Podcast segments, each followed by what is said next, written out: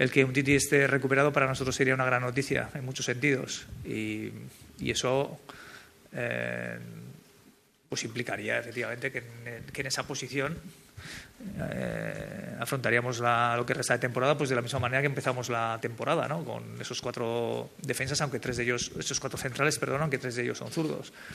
Entonces vamos a esperar. En ese sentido somos optimistas y queremos serlo, pero tenemos que esperar a ver cómo, cómo evoluciona y lo sabremos en poco, en poco tiempo.